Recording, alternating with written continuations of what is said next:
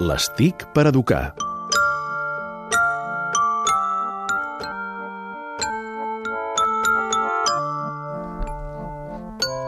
A l'Estic per Educar prenem coses de la mà de l'Albert Murillo, que avui ens explicarà què és això del Youth Mobile Festival, el IOMO Festival, que es diu. Sí, eh, va ser la primera edició en aquest Mobile World Congress. I, de fet, jo penso que és una de les coses més interessants que es van fer i que crec que l'any que ve creixeran. Mobile Festival el que feia era obrir a les escoles de Catalunya a, doncs, directament que toquessin tecnologia per aprendre.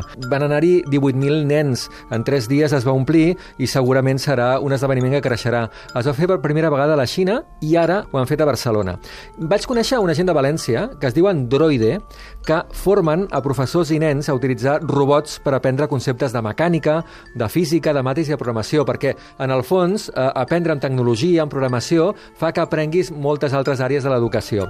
I utilitzen eines que són molt conegudes pels nens, per exemple, el Lego, que té tota una línia per aprendre a programar robotets, o el videojoc Minecraft, que també ens pot sonar perquè va haver-hi una època que molta gent hi jugava, i ara hi ha un apartat que pots programar.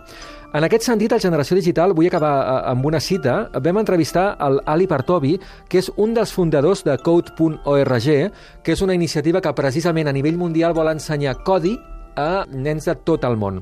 I ens deia que el motiu per ensenyar a programar és perquè la manera com penses quan programes es pot aplicar a altres aspectes de la vida.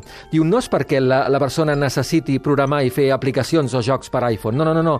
És perquè et serveix i t'ensenya a pensar. I hi ha tot de diferents situacions de la vida que no tenen res a veure amb la programació, però que si tens aquesta experiència les pots fer més bé. I el Youth Festival, el Yomo Festival, el que va passar és que els nens doncs, intentaven fer això. Doncs la robòtica al servei de l'aprenentatge. Sí. En aquest Yomo Festival, gràcies Albert Murillo. Adéu-siau.